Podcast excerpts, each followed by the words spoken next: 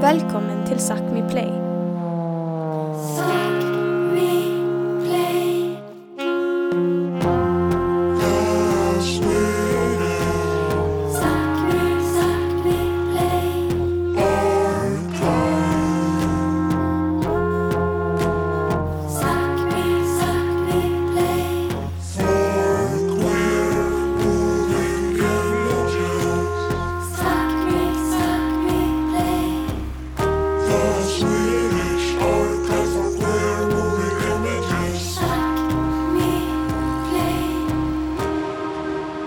Welcome to Sápmi Play, Sápmi's digital channel where we'll chat about queer moving images and archiving. Sápmis digitala kanal för samtal om queera, rörliga bilder och arkivering. In SACME Play, we'll meet people from all generations that are working with queer moving images. I Sápmi Play kommer vi möta personer ur flera generationer som på olika sätt arbetar med queer, rörlig bild.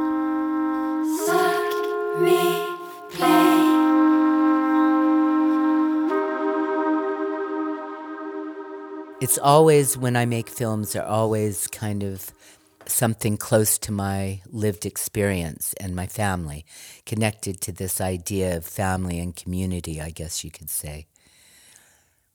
And I think I've had great luck. I've never needed to look for interesting subjects. I det här avsnittet pratar vi med Del LaGrace Volcano, konstnär och aktivist som är verksam i Sverige sedan 15 år tillbaka. Dell är främst känd som stillbildsfotograf och har fotat queerscener och queera personligheter sedan slutet av 70-talet. Främst i San Francisco och i London.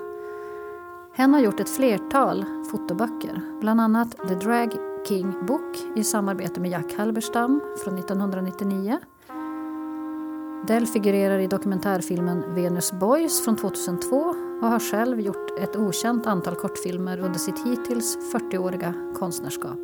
In this episode we talk to Della Grace Volcano, an artist and activist based in Sweden for 15 years.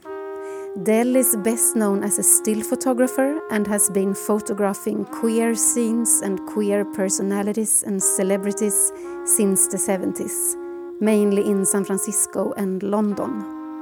They have made several photographic monographs, including the Drag King book in collaboration with Jack Halberstam in 1999. Del also appears in the documentary Venus Boyz from 2002 and have themselves made an unknown number of short movies during their up to now 40 year art Sápmi är faktiskt i detta nu igång med att digitalisera och tillgängliggöra några av Dells alla filmer.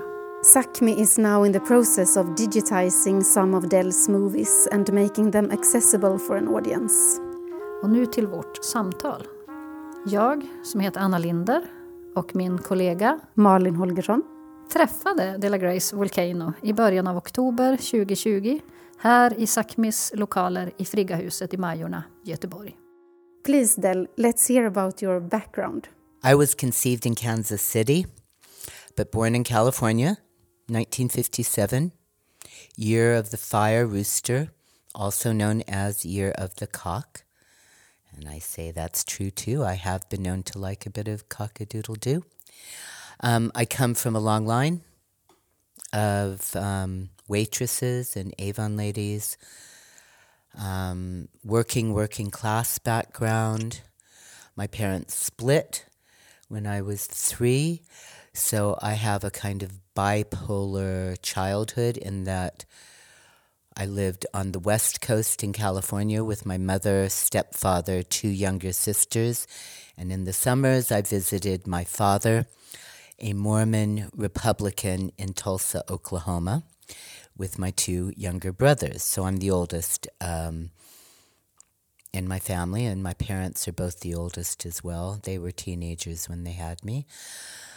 Um, but it was very split in terms of my mother and stepfather were both closet bisexuals. I was, it was very, um, still a nuclear family, still a, you know, mother stays home, father goes to work. Um, But he was um, he was a dreamer. None of my parents graduated from high school. I was the first one to go to college. My stepfather was an iron worker, building missile silos for Minutemen missiles, um, but in his spare time, being an actor. And when I went to college, I was the theater. That was my first job in photography. Was theater photography, in the same theater that my father was. Um, my stepfather was um, acting and also building sets for. So I had a lot of theater people around me. Um, and in my father's, my biological father's family, it was very traditional. Um, not bad. It wasn't like super religious. I was always invited every summer to join the Church of Latter day Saints to become a Mormon, and I always politely declined. Um, so it was like that. So I traveled almost every summer halfway across the USA and back. So I got a taste for that that has not left me. Um, and what's interesting is like I had crossover lovers with both my stepfather and my mother, where who told me about their other activities. So I knew when my mother went to San Francisco, she became this dyke. And I knew from um, one of my best friends who was a lover, but we both came out as bisexual at 17. And then um, he became gay and I became a dyke a little bit later. But um, he told me about my stepfather, you know, getting blowjobs from the you know, actors in the theater. Um, so it was kind of like I didn't know that growing up so much, but I did meet my first lesbians when I was 14, and that was my biggest dream was that I would become a lesbian somehow. Little problem was that I was also a little boy crazy, and I was having lots of sex with boys and trying to have sex with girls, but not as successfully in my small town. Wow unexpected in that kind of small town. Mm -hmm. So you grew up kind of in an open atmosphere. Fairly. My mother wasn't, when I first, I went to college early, and um, my mother wasn't so happy that I was so open about it. It was like, do what you like, but, you know, keep it quiet, which I didn't. You know, I was organizing LGBT, no, LGB seminars when I was like still a teenager. But it was, it was, yeah, it was a place halfway on the coast, halfway between San Francisco and LA. Um, so it was still a kind of small town, but it was also California. But it was like your mother was bisexual, but still wanted you to be a bit quiet. Yeah, and I didn't know she was bisexual at the time. I knew that she had we had friends that came over that were lesbians. And some really famous lesbians in the West Coast music scene at the time. Um, and my first crush, who was coincidentally a psychologist, was my mother's lover. You know, she was having a polyamorous relationship with Margie Adam and Susan Kuhner.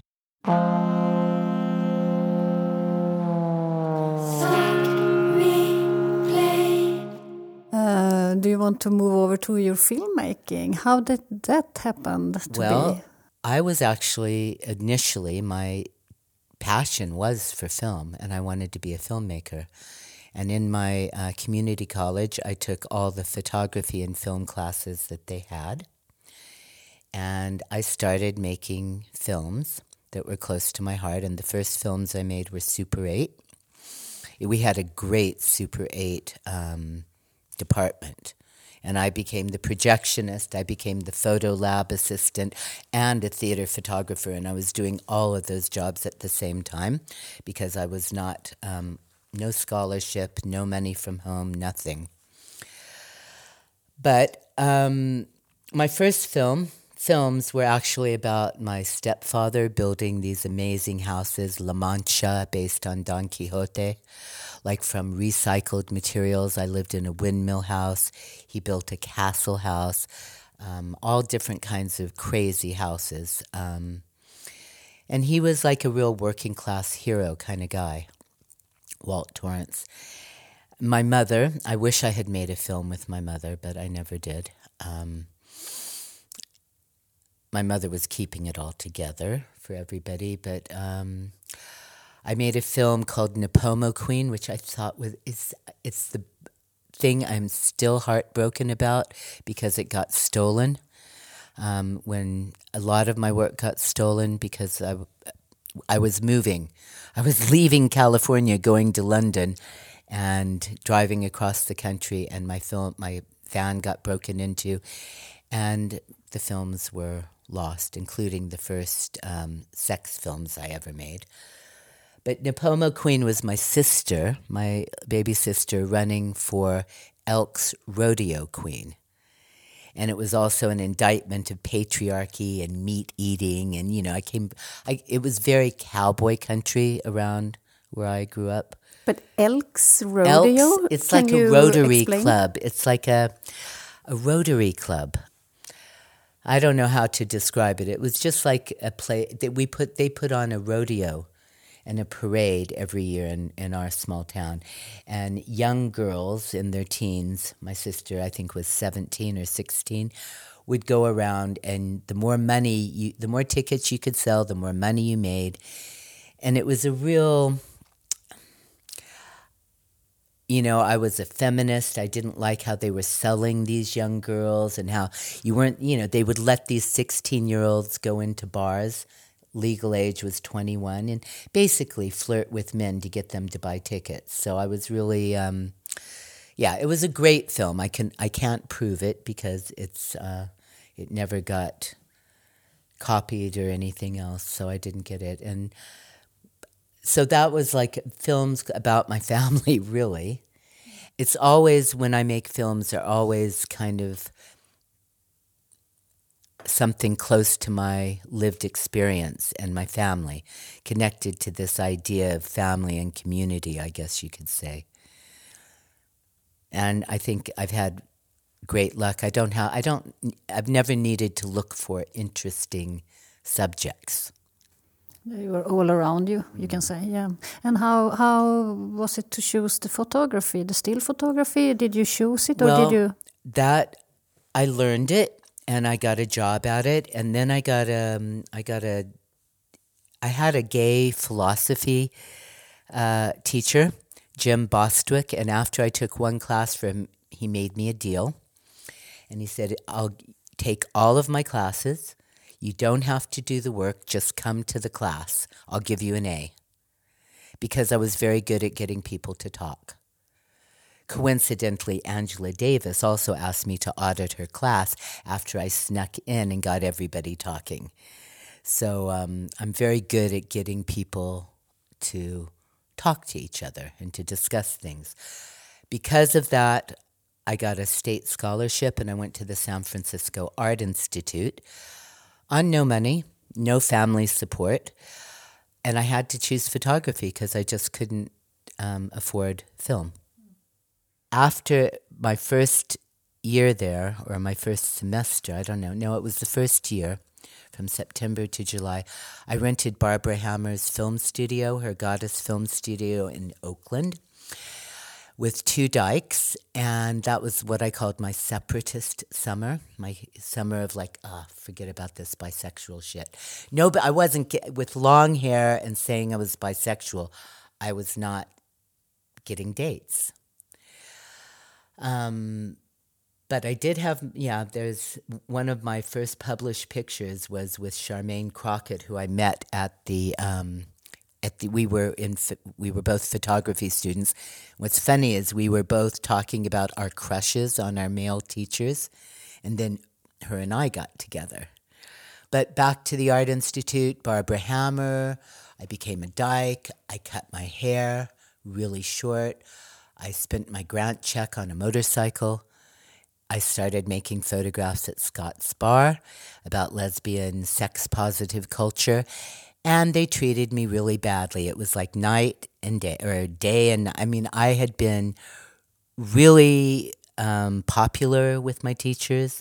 They loved my social documentary work in the Mission District. Um, you know, the ones that were negative? Was it the people in the community that you took pictures no, of, it was or my was it your teachers teachers? and classmates, some of my classmates. Even though I founded the first LGB um, association at the Art Institute, people like Catherine Opie came after me um, and have done really well, as we know. I kind of blew my chances because I was so out and so queer. And when I started making photographs about my own culture, they really couldn't handle it. Now, when I look at the photographs, I sort of understand a little better now why they might have had a problem because some of them were quite explicit. And not, well, yeah, and you know, SM and stuff like that. Maybe in 1980 they weren't quite ready for that. Um, and I ended up dropping out and driving my motorcycle cross country um, instead. There were other lesbian photographers. I was not the first. I just want to say that. There were other people um, also doing work around sexuality. Um, Honey Lee Cottrell, who had been Susie Bright's lover. I have to say, Jeb, who was the um, Joan E. Biren, who was one of the first well known lesbian photographers, she was actually really nice and supportive of me but she was more on the politically correct lesbians with manual trades side. And I thought she would reject me, but she didn't. Um, whereas Honey Lee Cottrell and others were not so supportive, you know, and, and uh, sadly that's followed a pattern of lesbian photographers maybe feeling like there's only enough room for one How was your meeting with Barbara Hammer, though, for film? I wouldn't say Barbara was a mentor either. I would say Barbara was a little bit. Um, Barbara and I became friends, but basically, I was just a young lesbian that was renting out her studio. She was not interested in me and what I was doing and what I wanted to do.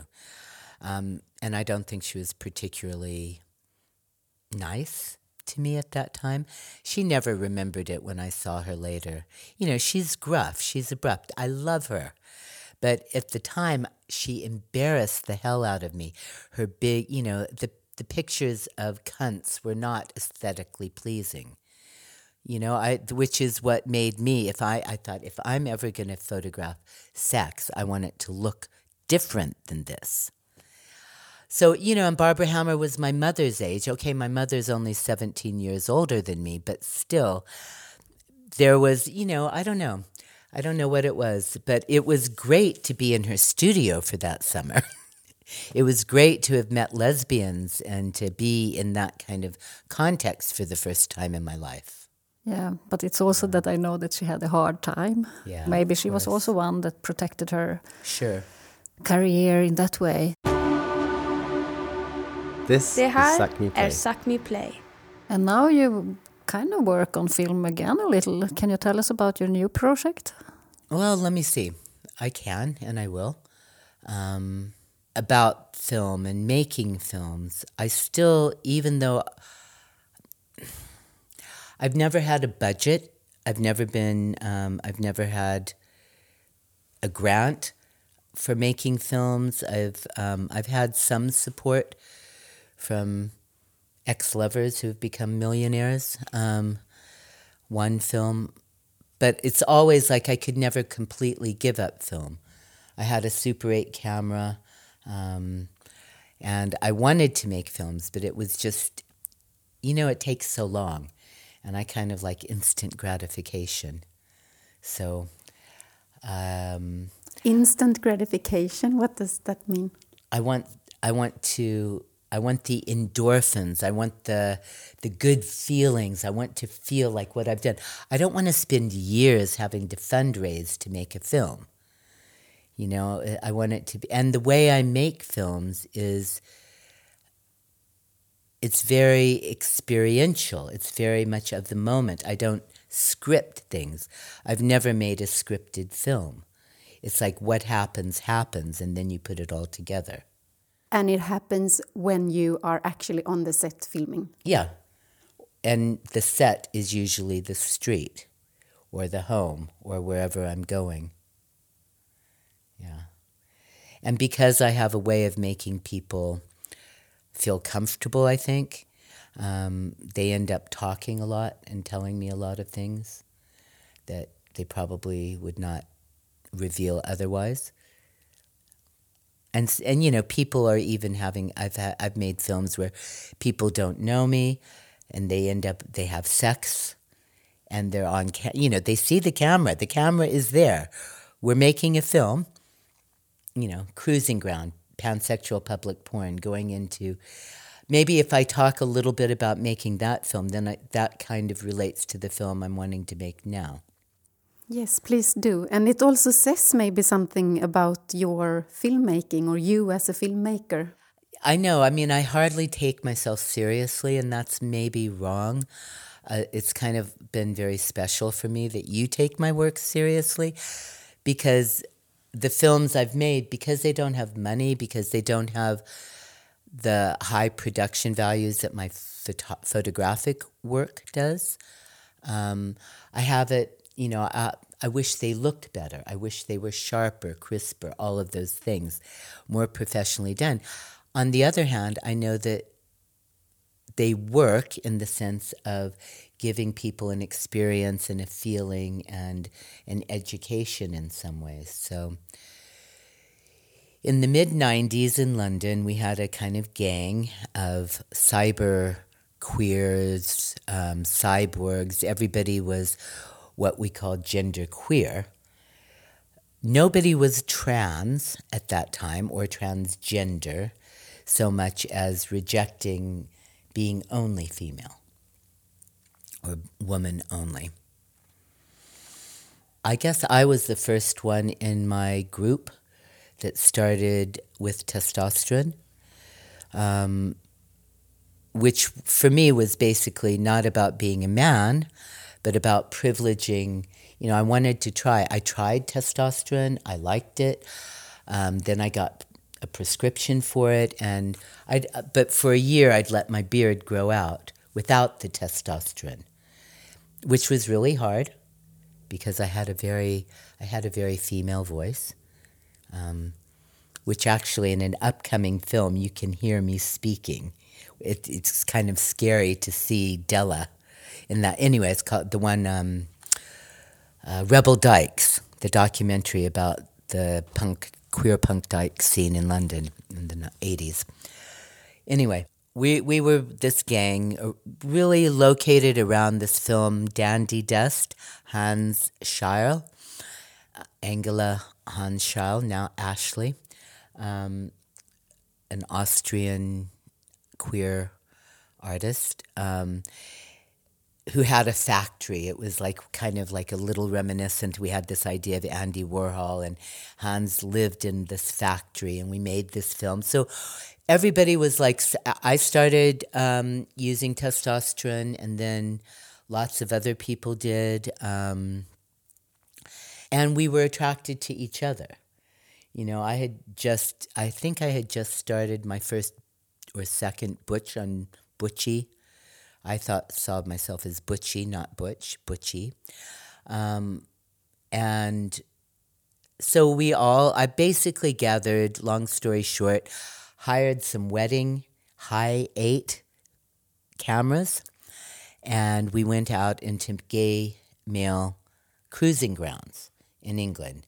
Hampstead Heath, Studland Bay, which was a nude beach, a gay nude beach, and um, Brighton. So I took Hans and other friends, some trans, some queer, some dykes, um, into these cruising grounds. And sometimes we had sex with each other.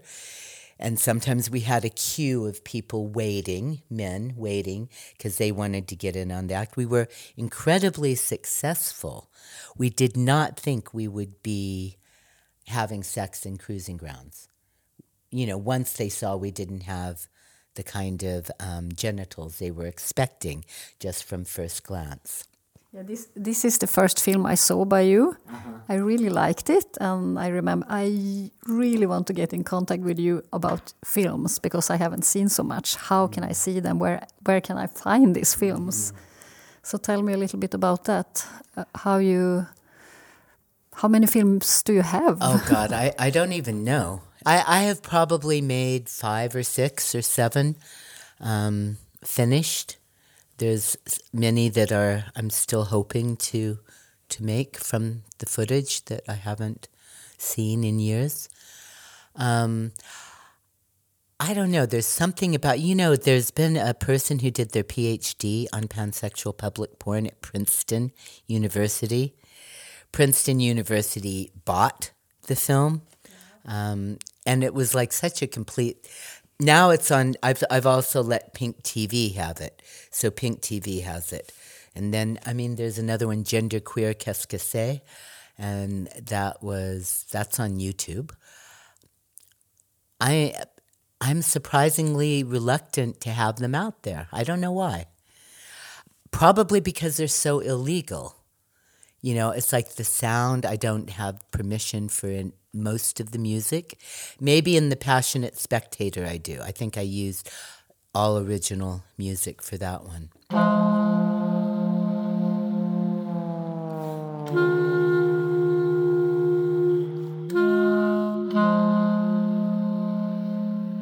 What do you think about archiving your own material? How do you work with it, with your moving images and your photographs?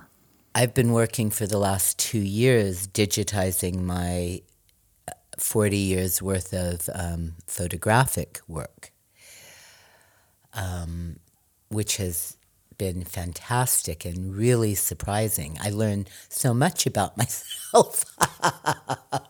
I mean, I forget so much. I mean, there's even people I've photographed intimately that I cannot remember who the hell they are. You know, I'm I'm so there's this one lover I had. I mean, she was obviously my lover. She was in my bedroom. She was naked, um, being sexy. Must have been my lover. Her name was Julie. Who was she? I had two Julies. I don't know. Um, I I was making sexual work when I was a teenager with people I was lovers with, women I was intimate with, you could say. Um, so the discoveries, and you know, when you, I was working in 35 mil film, um, not film, but photographic film. And you don't see it. You, you, you see it in a, a contact sheet, a tiny contact sheet. Even if you have a magnifying glass, you have to blow up the photographs to really see what they look like, and you don't blow up every photograph. So you, the digitalization of the images makes it possible to really see what you have. Do you know who Storme Webber is? She's a spo- she was in um, Venus Boyz, uh, African American, Native American uh, spoken word poet. I photographed Stormy in 1980 in San Francisco at a party. She's looking at me across the room, and I sent it to her. I'm like, oh my God, 20 years before I really met you, Storme, we had this moment. And I'm like, I mean, I'm getting goosebumps. It's like, oh my God, we had seen each other. So things like that happen a lot. Um, so archiving is like, for me, has been a lifeline. And it's made me take my work more seriously. But I think it's you, my dear Anna, who has, if it wasn't for you, everything would still be in boxes and not seeing the light of day. Because, like I say, it's like because of the lack of high production values, maybe I haven't taken uh, my snapshots, my color f- photography seriously in 35 mil. So some work I take more seriously and I archive better than others. But my goal is before I'm 67, because I could die at 67. That's a curse in my family. If I make it for another, how four years I might have left, um, And I know it sounds macabre, but it's also the kind of thing I have to do to motivate myself to say maybe you only have four years left or five years left. So don't leave this because maybe nobody will ever discover this. So I'm like so looking forward to being able to really archive and digitize my film work and video work to see what I've got. And also because I photographed and filmed people when they were really young and beautiful in the conventional sense, and everybody loves to see that. Yeah, and we're longing for it. I think a lot of people really discover your movies also now. I don't know, but I have the feeling that it's so... Uh, vad heter det när det är um, aktuellt fortfarande? Jag tappar ordet. It's so up to date now, your films, like timeless films somehow. Even the first ones. Mm. Yeah, I don't know about that, but thanks. Whatever. I I mean that would be interesting to explore what that means and if it's technique, if it's approach, if it's I mean one thing that I think people younger people now that are making films and, and work and doing cultural production is this idea of care, of caring for each other. And um, I think that's something that's always been important to me, both in f- making photographs, but also in making films. That everybody, it's not, it's not a cold process where the only thing that's important is what is shown on the screen. It's really important that everyone is taken care of. And I like doing that, you know. I, I like caregiving. So for me, making images with people, making movies, um, it's about, it's my way of giving back and showing love, you could say. And I think that's more contemporary.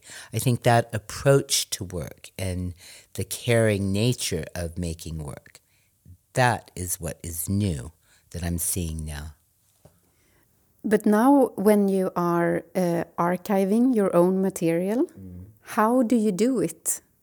I mean, like really practically. I have a scanner. I scan the work, put it on a hard drive. Hope I do. I lost. I dropped a hard drive and I lost a lot of work recently that I'm only hoping is backed up or I can get that hard drive repaired, but it was. Um, I have a scanner and I scan the work and um, then I process it and hope I can find it again. I mean, it's like I need I need somebody who's much more um, linear and organized than I am um, to help me do the I'm scanning it, but then finding it again and being able to, you know, my goal is to be able to know exactly where both the analog film and the digitized um, files are and be able to get it. If, if I could do that, because yeah, I mean, I have ADHD, which is a lot of artists do, but it's um, it makes archiving things hard. And again, it's like the endorphins. I scan it, I see it. I'm like, oh my God, look, I haven't seen that. Oh, I post it on Facebook. I get likes, I get endorphins. You know, it's like, and that's what'll keep me going. But the more difficult, boring work of archiving, which is cataloging, um, I'm not so good at. Help anybody out there? Suck me, suck me, play. Um, so, can you tell us a little bit about the new film project going on? I don't know what it's called, but it's like it's based on my experience of being suddenly single at 63, of having been in monogamous relationships continuously two for 20 years and now entering this new world of dating apps and hookups and in a time of COVID. so, not really the best time to launch into being single. And also the kind of shock of, of having this number 63, which is a magic number because it adds up to nine, but having this number attached to me and all of the baggage, you know, all of the ideas people will have about somebody who's 63, um, and how dismissive, you know, like not being looked at, being like, I don't know, um, not seen in a way because of your age. Of course, I don't think, I don't really have that feeling because uh, I'm kind of a visual person and I have lots of techniques for getting people to notice me.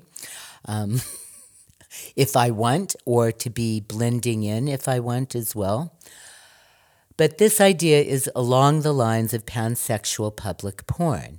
It's I want to make a documentary about these issues of being both intersex or intersexy, having a different kind of body, different from a trans body, different from a cis body, you know, being specific about what my body is. Um, and who's going to be attracted to me? You know, I live in middle Sweden, which might as well be Middle Earth in terms of finding sexual partners, I think. Or you know and i've never been interested in seducing straight women. I've made initial um, inquiries to queer filmmakers and my idea was to go from place to place and, and have each director um, film a scene i would have overall control of putting it together but i would like to kind of give myself over kind of like you know make a blind date for me but you know, will will that work? What am I interested in? Who am I interested in? Who's interested in me? I mean, I haven't had sex for more than two years with another person. Um, it could be even longer, I don't know. Um, if somebody touches me, will I cry? You know, I mean, I can cry just thinking about it, really. Um, so it's a very it's it's kind of like a form of radical vulnerability that I'm proposing. And I maybe I'm crazy. Maybe that's just it's a crazy idea to do that to to expose myself in such a way. But I mean, hey, that's what I've done my whole you know, it's nothing new. If you look at some of my photos, it's like I've been there. I, I, I have some kind of ability to disconnect myself from my image. So, in a way, it's scary, but in another way, I know I can do it. You have been part of the queer spaces for more than 40 years. Yeah, I guess yeah. so. Have these spaces changed, do you think? Oh, very much, yeah. How? I guess it was 1979 in San Francisco when I first. No, I mean, I had been in Santa Barbara. I'd been to gay bars and lesbian bars in Santa Barbara in the 70s. But it was really, you know, having a queer space in a queer community wasn't until 1979 in San Francisco. How have they changed? Well, I mean, there were at least eight or nine lesbian bars in San Francisco at the time. Um, people be, got clean and sober, so bars kind of fell away as a place, a meeting place, and it became more club oriented. Um, what do you mean with club oriented? Club, you know, big dance dance parties like clubs or theme nights, but not a bar like that you could go to every night, like it would be once a month kind of thing, once a week, some something like that. Those don't happen. I mean, even Slick has closed. You know, I don't even know if there are any queer club nights anywhere in Sweden now. But there are other queer spaces that yeah. are not connected to club culture or bar culture. And that's what's different because those spaces didn't exist at that time. Now we have other kinds of spaces, which are probably much more healthy. You know, it's not so much sex and drugs and rock and roll. And how AIDS, HIV changed that is also part of our queer history. I mean, there's so much that in my archive, my photographic archive, that has never been seen or barely been seen that speaks to a lot of um, a lot of the issues that we're all concerned about today. I think, which when I finally get down to reading, writing my memoirs of a pussy licking sodomite, um, which is just a working title that will probably never be on the cover of a book, but inside of it. Anyway, when I write my memoirs and when I'm able to write these stories, but in order to write these stories, I actually need the images. So for me, the text and the images are like really important to be together. I mean, now we have this huge, finally, also in Sweden, Black Lives Matter movement, uh, and we talk about race in Sweden or we try, some of us at least. What change do you see there? Because I mean, many queer spaces are also very Western and white. I actually feel like when I was first coming out and going to these queer spaces, they were much more mixed. But I'm talking about San Francisco, I'm talking about New York um, and London. And what's interesting is my version of mixed. What I would say is a mixed space. Black friends would say is a white space because they went to spaces that were majority people of color. Um, and I would be very happy that this, the, the spaces that they would see as white spaces, I would see as much more mixed. Compared to Sweden, they were very mixed.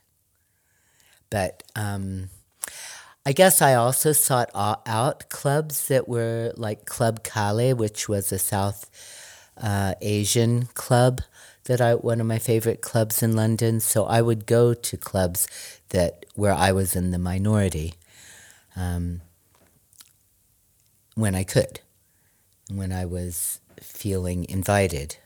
But um, I'm really happy that now we have a Black Lives Matter. Um, consciousness. I've been coming to Sweden for 20 years now and living here for 15. And it's always been a struggle to find um, white people, white queers, who will have conversations about race. Because people get so incredibly automatically defensive. So, how come that you're based in Sweden? Love, Charlotte alltid kärlek. Um, I fell in love with um, a queer psychologist, drag king, and I had a long distance relationship between London and Sweden for almost five years. Um, and I met Matt. When Matt and I fell in love, like 15 years ago, um, I decided I didn't want another long distance relationship and that I would move to Sweden, at least part time. So for my first few years here, I, I, still had my flat in London, and I was going back and forth and renting it out and, and everything. Um, and then, you know, it's like, my mother said before she died, she got to meet Matt, my partner, and um, said to Matt when I was gone one day, said, Thank you for giving my Dawson, daughter, son, Dawson, my mother called me Dawson, um, a chance at a normal life. And that was really funny because we're like, ha ha ha, we're not going to have a normal life. And then it's like, you know, because of Swedish laws, we had children. Um, Matt got a place on the psychology program in Örebro and then did a PhD in Örebro. And it's a really great place for having kids. Um, so that's how I came to Sweden, and that's why I'm staying in Sweden. I became a Swedish citizen some years ago. Um, thank you, thank you, thank you, powers that be. I feel incredibly grateful, I, I have to say, for all of Sweden's problems. I feel like my experience, especially my experiences around like um, intersectional kinds of politics, race, class, gender, the body, are things that I can contribute to the conversations going on in Sweden in a way that is maybe more necessary. There's other people in other countries, and I'm sure there's other people in Sweden too, but it's like I feel more useful. I feel like it's right that I'm in Sweden. Um, and it's, it's lonely. I don't know if you know that Sweden, this is for anybody listening this long, did you know that Sweden is the bottom of the list. Only Kuwait or is it Dubai is at the bottom of the list for how easy it is to make friends. Sweden is at the very bottom. Very friendly. It's not about being friendly. It's about actually making friends with people from other countries. Very, very kind of insular um, country. So it's been hard. I've never had a problem making friends anywhere I've gone. And I have friends in Örebro, but it's taken 10 years. And they're all straight, very progressive straight people. Well, nearly all straight. Let's say there's very few queer people, because for me, queer is a very political stance. It's not just about, you know, who you're having sex with, who you desire. So I'm very happy to be here. I feel like, you know, the kids also, I make films with them, or we participate in films. Most recently, um, Channel 6 in France, which is like one of the four biggest TV stations in France, they're making a 90 minute documentary on gender nonconforming people, mostly kids. And our kids are probably going to be the stars of the show. So, making films or being part of other people's films is also a part of my activism and my art practice. Yeah, thank you. Thank you for sharing everything. I don't have so much more to come up with. I'm so happy that we had this conversation in Frigga. Yeah, it's pretty in depth. Really nice. So thank you very much, Stella. Thank you. Thank you. Tack för att du var med i Sápmi Play.